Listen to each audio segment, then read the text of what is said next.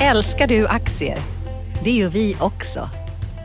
Sea Worldwide Asset Management är en av Nordens största oberoende aktiva aktieförvaltare och har samlad kunskap sedan 1986. Ta del av vår kunskap på seaworldwide.se. Bokstaven C, worldwide.se.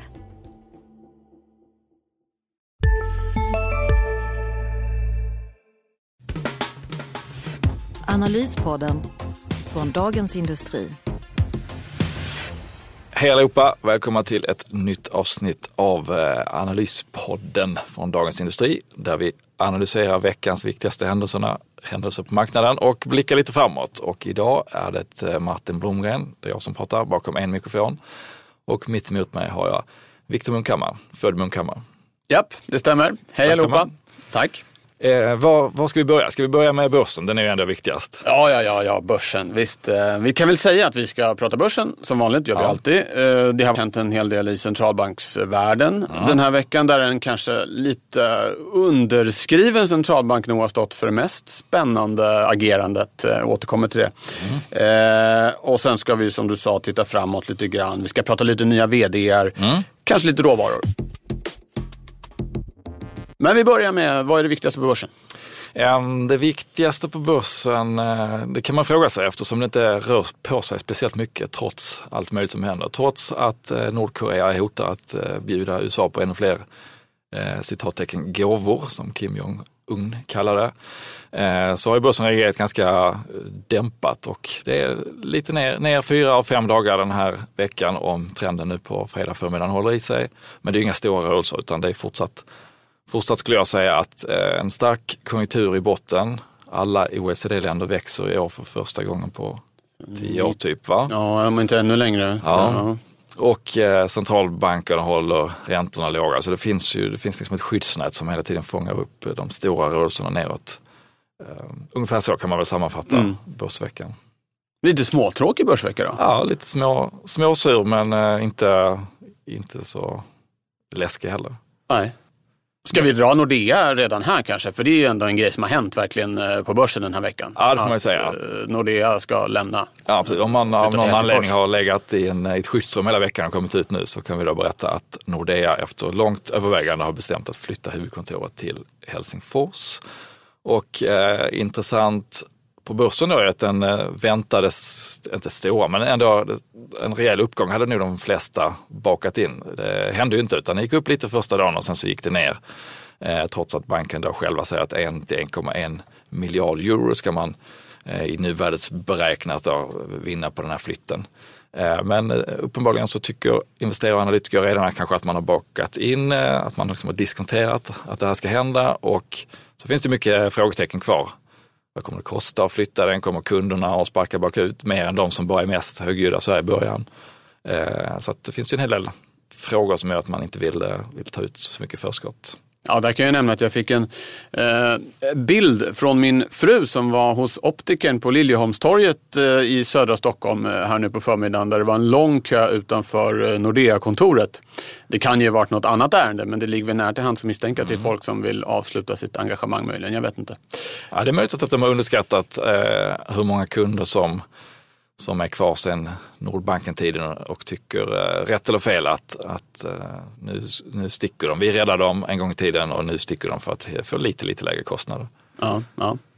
Sen eh, en annan aspekt på det här med Nordea som ju också finansminister Magdalena Andersson har tagit upp är att Sverige har ju haft en väldigt, väldigt stor eh, banksektor i relation till BNP, näst störst i EU. Eh, och Nordea är ju den klart största av bankerna och det här minskar ju nu. Jag tror Sverige blir ungefär ett normalland i EU vad gäller banksektor i relation ja. till, till ekonomi. Eh, sen är det väl lite oklart ifall riskerna verkligen försvinner i samma utsträckning. Riksgäldens chef var inne på här i, i tidningen tidigare i veckan att det inte självklart blir så. Eh, så det, det, är väl rätt mycket osäkerhet kring konsekvenserna av det här. En annan aspekt man kan fundera över är eh, hur Sverige ska göra med, med den här bankunionen. Mm i EU. Det var ju, säger nog det i alla fall, den viktigaste orsaken till att de flyttade för att Finland är med i EMU och är med i bankunionen och det finns tydliga och klara spelregler. Där har ju Magdalena Andersson varit lite svagt positiv till ett medlemskap i bankunionen men i så fall på sikt. Den är ju inte helt klar den här unionen heller. Men det kan ju hända att det här på marginalen gör det mer sannolikt att Sverige kommer att gå med i i bankunionen och så. Så att, eh, rätt mycket osäkerhetsfaktorer mm. om man bortser från bara liksom hur börskursen har reagerat. Det är det, och man skulle kunna tänka att, att Finland och de finska skattebetalarna blir livrädda men man ska komma ihåg att det ser inte riktigt likadant ut nu som det har gjort i tidigare eh, tillfällen varit finanskriser utan det finns ju de här bail-in, eh, bail-out-lagarna som är på plats, då, eller reglerna. Att, att tanken är att om det krisar ordentligt så är det inte skattebetalarna som ska ta notan i första hand utan det ska då obligationsägarna och andra långivare, de ska baila in istället för att skattebetalarna bailar out. Eh, Ägarna, ja. Bolaget då. Ja, precis. Det är inte bara aktieägarna som ska ta smällen utan som du säger också de som har lånat ut pengar till, till bankerna. Det är helt sant, de där reglerna finns på plats. Å andra sidan, det första lite skarpa testet på det här tidigare år var i Italien. Och då sådär. gick man runt lite den ja. där reglerna ändå. Så tenderar det ju vara med sådana här EU-regler att när liksom det verkligen hettar till ja. så finns det alltid någon liten gummiparagraf att använda. Å andra sidan igen ska man säga att Italien är ett speciellt fall därför att där är det väldigt mycket småsparare mm. som äger bankobligationer. Så det här skulle liksom slå rakt in i sparkontot hos eh, mannen och kvinnan på gatan. Mm. Eh, och så ser det inte riktigt ut i ett land som, som, som Finland kanske. Då. Så att, eh, Återigen, Nej. mycket, mycket, ja, ganska det, mycket oklarheter kring det här. Det finns mycket oklarheter. Men ja. eh, när det gäller banker och räntor då, så är det centralbanken annars, förutom Nordea som har varit i fokus i veckan. Och eh, både ECB och Riksbanken har varit eh, ute med sina räntebesked. Men som du var inne på, även en en liten joker. En liten joker, ja. Om vi börjar ändå med, med Riksbanken och ECB så var det i båda fallen oförändrat, helt eh, som väntat. Eh, båda de här centralbankerna har ju lite börjat svänga om som många andra centralbanker. Eh, väldigt neutrala besked mm. nu skulle jag säga. Det som var intressant var att ECB-chefen Mario Draghi var väldigt tydlig med att i oktober kommer vi få veta vad ECB tänker sig att göra med de här tillgångsköpen mm. under nästa år. Med brasklappen om inget väldigt dramatiskt inträffar. Men ändå, det är liksom huvudspåret. Och det är det alla undrar lite över. De köper ju nu för 60 miljarder euro i månaden. Eh, det ska börja skalas ner. Tänker de sig att de sänker till säg 40 miljarder och förlänger det med 6 eller 9 månader. Får vi hela trappan ner till noll, det skulle nog uppfattas som lite hökaktigt. Mm. Eh, när ECB lägger fast kursen här, då kommer också Riksbanken ha någonting att förhålla sig till. För jag tror inte att Riksbanken vågar gå, de vågar gå före ECB men de vågar inte gå åt ett annat håll än ECB. Ehm, så att det är lite, eh, liksom de får vänta in ECB lite här. Och, och där är kalendern intressant då? Ja, kalendern är lite olycklig. Det är nämligen så att eh, precis som eh, den, den här veckan eh, så kommer ECB och Riksbanken med räntebesked samma dag. Men ECB kommer ju då på eftermiddagen. Ja, kunde, de inte, kunde de inte tänkt till lite där och lagt det dagen efter? Ja, man kan, man, man, man, kan ju tycka det. Så de kommer inte kunna hålla sig till, hålla liksom ECB i handen. Riksbanken träffas dessutom dagen innan. De lämnar besked samma dag, men mötet är dagen innan. Ehm, så att, men, men, ehm, men det var ganska mjuk Stefan Ingves då som, som sa att det, visst, inflationen är uppe över målet, eh, men den har varit under målet i fem år och bara för att vi är uppe en månad eller två så, så är det ändå för tidigt att dra tillbaka de här eh, stimulanserna. Och det, det de framförallt är rädda för är att inflationsförväntningarna ska börja halka ner. Eh, alltså vad folk tror att inflationen ska bli i, i framtiden. Och då är valutan en, en del i det här? Ja, de har ju använt det, växelkurskanalen då för att hålla uppe den importerade inflationen. Mm. Och det är därför de inte vågar skilja sig för mycket från ECB. För då skulle kronan stärkas för mycket mot euron och då skulle, de liksom, då skulle vi tappa den här hjälpen de fortfarande behöver via den importerade inflationen. Att den i alla fall inte sjunker för mycket. Att den ska öka kanske blir svårt. Kronan har ju stärkts väldigt mycket under, under sommaren och det verkar de ganska okej okay med ändå. Eh, men, men eh, hur som helst, lite vänteläge på de två. Mm. Men mera action väntas nu under hösten. Jocko. Däremot är det inget vänteläge i Kanada. Bank of Canada överraskade i, eller överraskade, de svängde om ganska snabbt. Men själva höjningen 12 juli var hyfsat väntad. Då höjde mm. de från en halv till 0,75. Däremot nu i eh, onsdags kväll eller onsdags eftermiddag så gick de vidare och höjde till 1 Så att, eh, en dubblering av räntan på mindre än två månader. Och det var dessutom ett ganska hökaktigt eh, pressmeddelande kring den här höjningen. Så det är inte omöjligt att de höjer igen. Eh, i, och också, som också träffas 25 oktober faktiskt. Okay. Eh, precis som Riksbanken och så kommer ECB dagen efter. Eh, så det kan bli en till höjning från Bank of Canada. Och det är intressant med Bank of Canada för de har lite liknande läge som Riksbanken. Stort beroende av ett jätteland söderut eh, och en centralbank, Federal Reserve respektive ECB. Eh, en bostadsmarknad och växande skuldsättning. Det är nästan som en karbonkopia på svenska mm. bostadspriser. Och problem med att inflationstrycket inte är så högt som de hade önskat. Och så är den bra på hockey också. Och, och, spelar hockey och har mycket skog. Ja. Eh, och väldigt mycket mark och rätt lite människor. Älgar, ja det finns mycket. Eh, men, men de har ju, väljer en, en annan väg här uppenbarligen. Och det är lite intressant att följa vad som eh, händer där. Kanadadollarn har stärkt kan man konstatera. Mm. Ja, men det, och det är ju ett skifte i, åtminstone det verbala från hela centralbankskollektivet egentligen. Att man, man går mot utgången snarare än att man går mot att gasa på mer. Ja, Precis, jag menar Federal ligger först och de har ju, de har ju, de är en bit in i höjningscykeln, mm. så är det. Eh, ECB börjar liksom bereda marken lite för att det ska svängas om och det alla väntar på är hur, hur snabbt ska de trappa ner. Mm. Det är inte så här, ska de öka, utan trappa ner. Eh, och Riksbanken med flera är samma och så Bank of Canada då som har uh, satt fart här. Så att, uh, visst, det är absolut en, ett annat tonläge i centralbanksvärlden. Mm. Men fortsatt uh, låga räntor fram till, vad sa du, 25 ja. oktober? I... Ja, och det kommer nog vara fortsatt låga räntor i fem år. ja. om man ser så, högre än idag men, men fortsatt låga. Ja. Minsta bakslag i inflationen kommer ju att göra att man rullar det här ytterligare. Att man, man skjuter lite och det som håller på att hända i USA nu också. Eh, jag menar, nu är det, senast jag kollade var det inprisat 28 procent sannolikhet att Fed skulle höja i december. Ja. Det var, det var liksom, den var inprisad tidigare ja. och det beror ju på att det har varit väldigt svaga inflationsutfall i USA. Kommer de verkligen våga göra det? Så att även där, ja, det tar ju emot lite grann kan mm. man säga.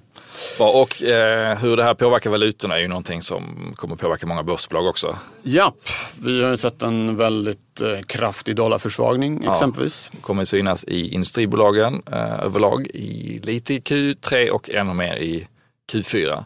Medan ja. handelsbolagen, om man väl generaliserar då, kommer att kunna köpa in billigare. Så att H&M och Clas Ohlson och, andra. Som av en slump har ju du träffat en vd som representerar ena och andra sidan ja, det i det här spelet eh, nu i veckan. Berätta, mm. vilka är det och eh, vilka, Ja precis, det är Clas Ohlson har fått en ny vd om vi börjar där. Mm. Eh, eh som inte heter Clas längre utan hon heter Lotta Lyrå kom från Ikea där de var ett utvecklings och expansionschef och eh, började första augusti och gjorde då i veckan sitt första framträdande som, som chef för Clas Olsson när de släppte sin eh, rapport för deras första kvartal. Eh, och eh, det var ett stabilt resultat och jag tyckte att hon gav ett bra intryck. Däremot så bjöd de också då på augustiförsäljningen som precis som juliförsäljningen var betydligt svagare än, än vad analytikerna hade väntat. Och eh, hon pratade om att trafiken till butiken har varit en utmaning utöver att vädret inte riktigt har liksom varit eh, picknick och eh, sommarprylsväder. Och det där är väldigt intressant därför att risken är ju då att även de bra butikerna som ligger i dåliga läge kommer att drabbas och det är det, är det man måste fråga sig. Är det början på, på något värre vi ser här under de här sommarmånaderna som även kommer fortsätta in i hösten eller är det ett hack i kurvan? Är Clas Ohlson är liksom att de hänger med på den här detaljhandelsdöden som ju ändå... Sista dagarna nu på vårens stora season sale. Passa på att göra sommarfint hemma, både inne och ute och fynda till fantastiska priser. Måndagen den 6 maj avslutar vi med Kvällsöppet i 21. Välkommen till Mio. Hej, Synoptik här. Visste du att solens UV-strålar kan vara skadliga och åldra dina ögon i förtid? Kom in till oss så hjälper vi dig att hitta rätt solglasögon som skyddar dina ögon. Välkommen till Synoptik. Pratas om. Ja, men hittills har de ju inte varit speciellt drabbade av det utan de har ju kunnat eh, öppna upp i, eh, är folk inne i stan så finns de där och i bra köpcentrum så finns de där. Men om e-handeln fortsätter att ta, ta mer andelar från de fysiska butikerna så, så kommer ju mediokra köpcentrum och stadskärnor i mm, små och mellanstora städer eh, som utarmas på andra butiker. Det kommer, inte, det kommer ingen att kunna Eh, även de bra butikerna kan, kommer inte få något flöde av eh, kunder som springer omkring utanför butiken. Så att, eh, man, kommer, man kommer att ha tuffare att locka in spontankunder om, om hela omgivningen blir sämre såklart. Och det hon också säger då att de nettot, vad det är de har då tagit in på e-handel istället, har inte riktigt kunnat uppväga det där riktigt. Och, och, det är ju det man är rädd för, att de kunderna som inte handlar i butik, de handlar på nätet, men de kanske inte handlar på nätet i Clas Ohlson, utan de kanske hamnar på Amazon eller något, något annat bolag. Mm, mm. Så att det där är ju en eh, superviktig fråga att hålla koll på för alla naturligtvis, retail, detaljhandlare, men, men speciellt när man ser sådana här mm, hack som kan vara början på trendbrott så är det ju så är det ju klart att aktiemarknaden blir lite orolig, speciellt i en aktie som har gått bra, den har gått upp 20 procent fram till rapporten från årsskiftet och eh, värderingen är inte skyhög på något sätt men det, men det, är, det är ändå tillväxt som väntas av ett sånt här bolag. Mm. Eh, men vad som kommer hända där närmsta tiden är ju dels att de har en eh, välbesökt stämma i Insjön på lördag och sen kommer Lotta Lyra, och säger hon, då vända på alla stenar och titta igenom strategin och hur hon vill ha det framåt och eh, då är det ju Tysklandssatsningen som är väldigt försiktig jämfört med deras Englandssatsning som inte gick eh, så bra, där man får skala ner och koncentrera sig till London. Nu har de öppnat då i tre butiker i Hamburg, en fjärde på gång och sen så ska de bestämma sig efter det hur de ska gå vidare. Och det är ju naturligtvis en jättepotential om det går bra i Tyskland men svårt, svårt att se vad hon kommer att tycka om den satsningen. Hon är ändå eh, en, en historia som etableringschef och eh, lär ju ha synpunkter på om det är rätt eller fel väg. Så det blir väldigt mm. intressant att se hur hon, ja. domen faller över Tyskland ja. från hennes sida. Och den andra vdn? Eh, den andra vdn är då Mats Ramström på Atlas Copco som inte är så ny längre. Han är ju verkligen inte ny på bolaget heller utan han tillträdde i våras när Ronny Leten avgick Eh, efter många framgångsrika år och eh, Mats Ramström var chef för affärsområdet industriteknik innan där han eh, har framgångsrikt lyft marginalen och gjort området större och större och bättre. Men han har ju nästan 30 år som Atlas-chef och de har ju en, en historik av att plocka duktiga chefer internt. De har många divisioner där man har stort ansvar nere på divisionsnivå. Så att det är en, som vi har skrivit om flera gånger, det är en vd-skola som, som fungerar väldigt bra och det är där han kommer ifrån. Och, en djup bänk som det brukar heta i fotbollssammanhang. Ja, så kanske det. Ja. Många bra att peta in om det ja. behövs ersättas. Ja. Mm. Och, och personer som kanske inte har suttit på bänken utan de har faktiskt spelat i, i lag lite lägre ner i divisionerna okay. då, som, som kan direkt hoppa in.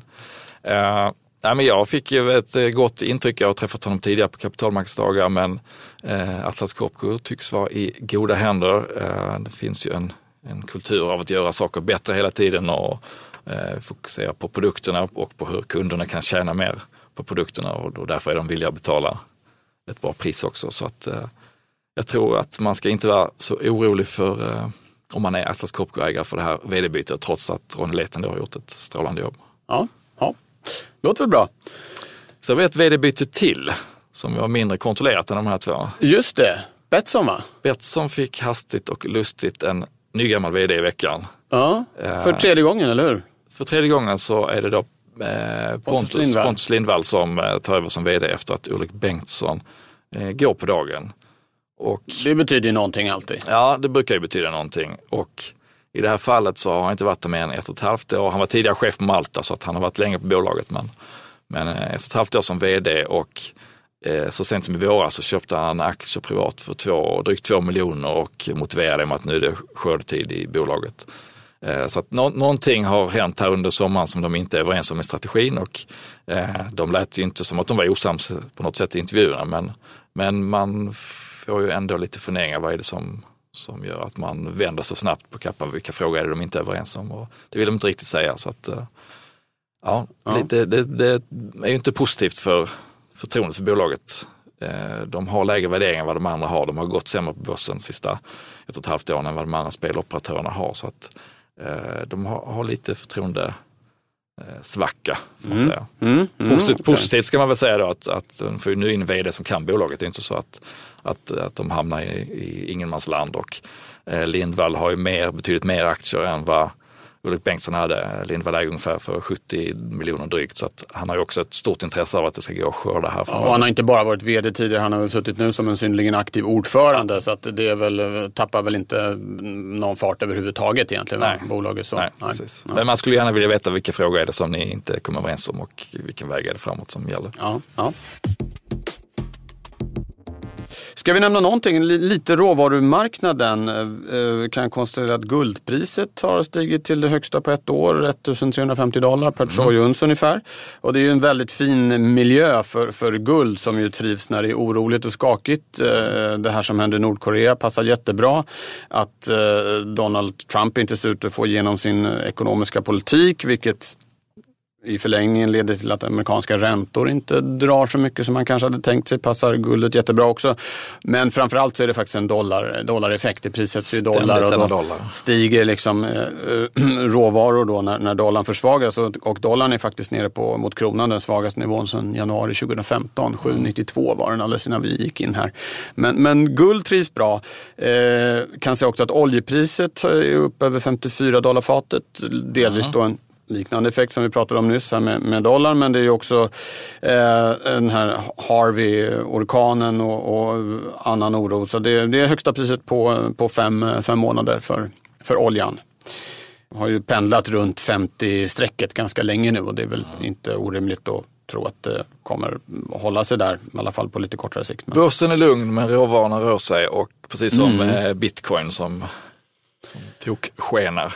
Ja, jag har inte kollat det på länge. Gör den det fortfarande eller? Ja, det, ibland rasar den 10 procent en dag men sen ser ja. det upp igen. Eh, så ja, att, eh. ja. Okay.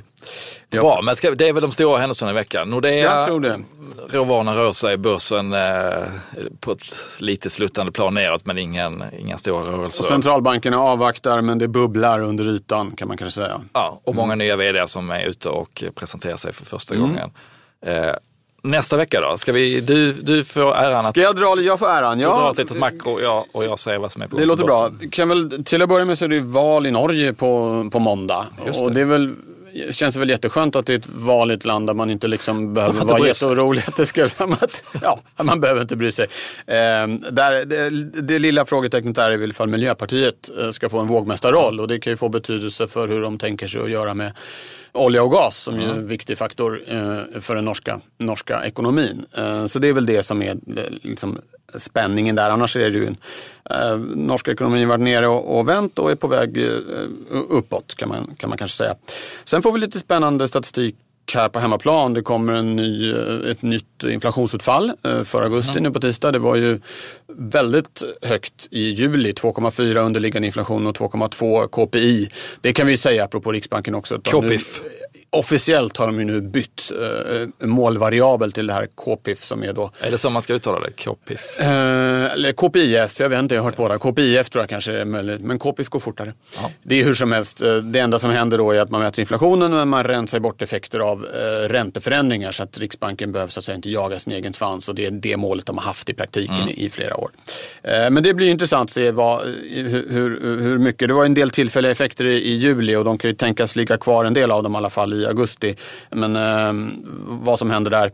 Och på onsdag dessutom så kommer en ny eh, mätning av inflationsförväntningarna. Det är ju Riksbankens stora oro då att de ska bli halka ner som sagt. Och det är den så kallade stora enkäten som görs en gång per kvartal. Mm. När också arbetsgivare och arbetstagarorganisationer eh, är med och eh, med sina, hur de ser på saker och ting. Så den, den blir intressant också. Vi får också en revidering av den här jättestarka tillväxtsiffran för andra kvartalet i Sverige. Det var ju 1,7 i kvartalstakt och 4,0 i årstakt. Mm. Det var den så kallade snabben som tas fram för att regeringen ska få ett underlag för att kunna eh, göra en, en, en budgetproposition. Så att lite större osäkerhet än vanligt kring de, mm. de siffrorna för SCB har liksom inte tagit med lika många faktorer. Så det kan bli lite revideringar kan vi se. Så de här 40 miljarderna de byggde på en eh, en snabb prognos som kanske sänks rejält? Ja, det byggde väl inte bara på, på okay. den, den, det, det kvartalsutfallet får man hoppas, det, det tror jag inte. Men, men, det kommer reviderade siffror i alla fall med något, eh, något större träffsäkerhet kan man väl mm. tänka sig. Och dessutom får vi då arbetslösheten augusti på, på torsdag. Den steg ju oväntat mycket i juli. Eh, och så där kan det ju vara över, över, över sommarmånaderna, både med inflation, arbetslöshet och inte minst industriproduktion, att det hoppar runt lite grann, det är lite, lite brus. Mm. Det gäller för övrigt också inköpschefsindex som ju var en grej vi såg i förra veckan på industrisidan, den här veckan på tjänstesidan. Ganska rejäla fall i Sverige. Då finns det en, verkar finnas ett lite säsongsmönster som egentligen inte ska vara där, att augusti är svagt. För i så andra att, länder så såg man inte riktigt samma trend. Nej, det var mer, mer, mer eh, stabilt. Eh, men eh, ja, det kommer en drös spännande eh, makrosiffror helt enkelt nästa vecka. Och dessutom öppnar riksdagen. ja. här i Sverige. Ja, det kan man väl säga. Vad händer på börsen? Eh, det är inte så väldigt mycket på agendan, men det finns ju några, några höjdpunkter. Eh, om vi börjar bakifrån. På fredagen så släpper Hennes Mauritz sina eh, kvartalssiffror försäljningsmässigt. De har ju gått ifrån eh, månadsförsäljningen. Eh, så att nu har man fått vänta ett tag eh, och det blir intressant. Det har ju varit, eh, det kom väl sådana här stilindex idag på fredagen som visar att det har varit tufft i klädhandeln fortsatt eh, och det är väl ingen överraskning. Men nu får vi åtminstone se vad, hur det har varit under ett kvartal för Hennes Maurits. Eh, och vad har vi mer att se fram emot? Eh, Eniro kommer med utfallet i sitt räddningspaket då, där de vill att preffägare och andra ska konvertera till aktier. Och det kan väl, om det går fel så kan väl det vara dödsstöten? Det kan vara väldigt eh, dåligt precis. Ja, de har ja. fått eh, skjuta på det flera gånger för att de inte har fått tillräcklig eh, anslutningsgrad. Ja. Och eh, jag tror att det löper ut idag fredag och de ska komma med besked på tisdag. Aha, okay. Nu har aktien gått väldigt bra, bland annat med draghjälp av vår kollega Uffes plockade med dem i, i de här, ska man säga, väldigt hög risk men aktier som kunde tiofaldiga som ja. allt, om alla stjärnor Ja, då är man av naturliga skäl ute och, och fiskar på, på djupt vatten. Precis, så det där är ju, det där är ju inget för den försiktiga. Men, mm. Mm, så det kommer på tisdag. Eh, och tisdag kväll kommer Apple med en ny telefon i tanken.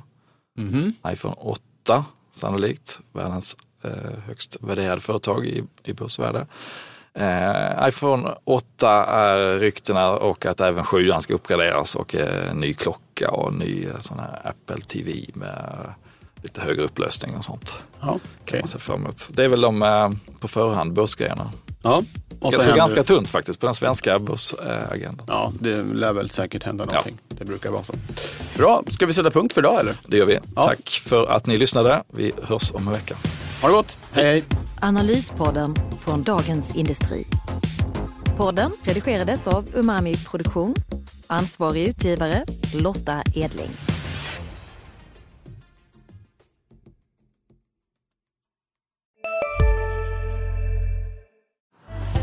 Älskar du aktier? Det gör vi också. Sea Worldwide Asset Management är en av Nordens största oberoende aktiva aktieförvaltare och har samlad kunskap sedan 1986. Ta del av vår kunskap på seaworldwide.se. Bokstaven C, worldwide.se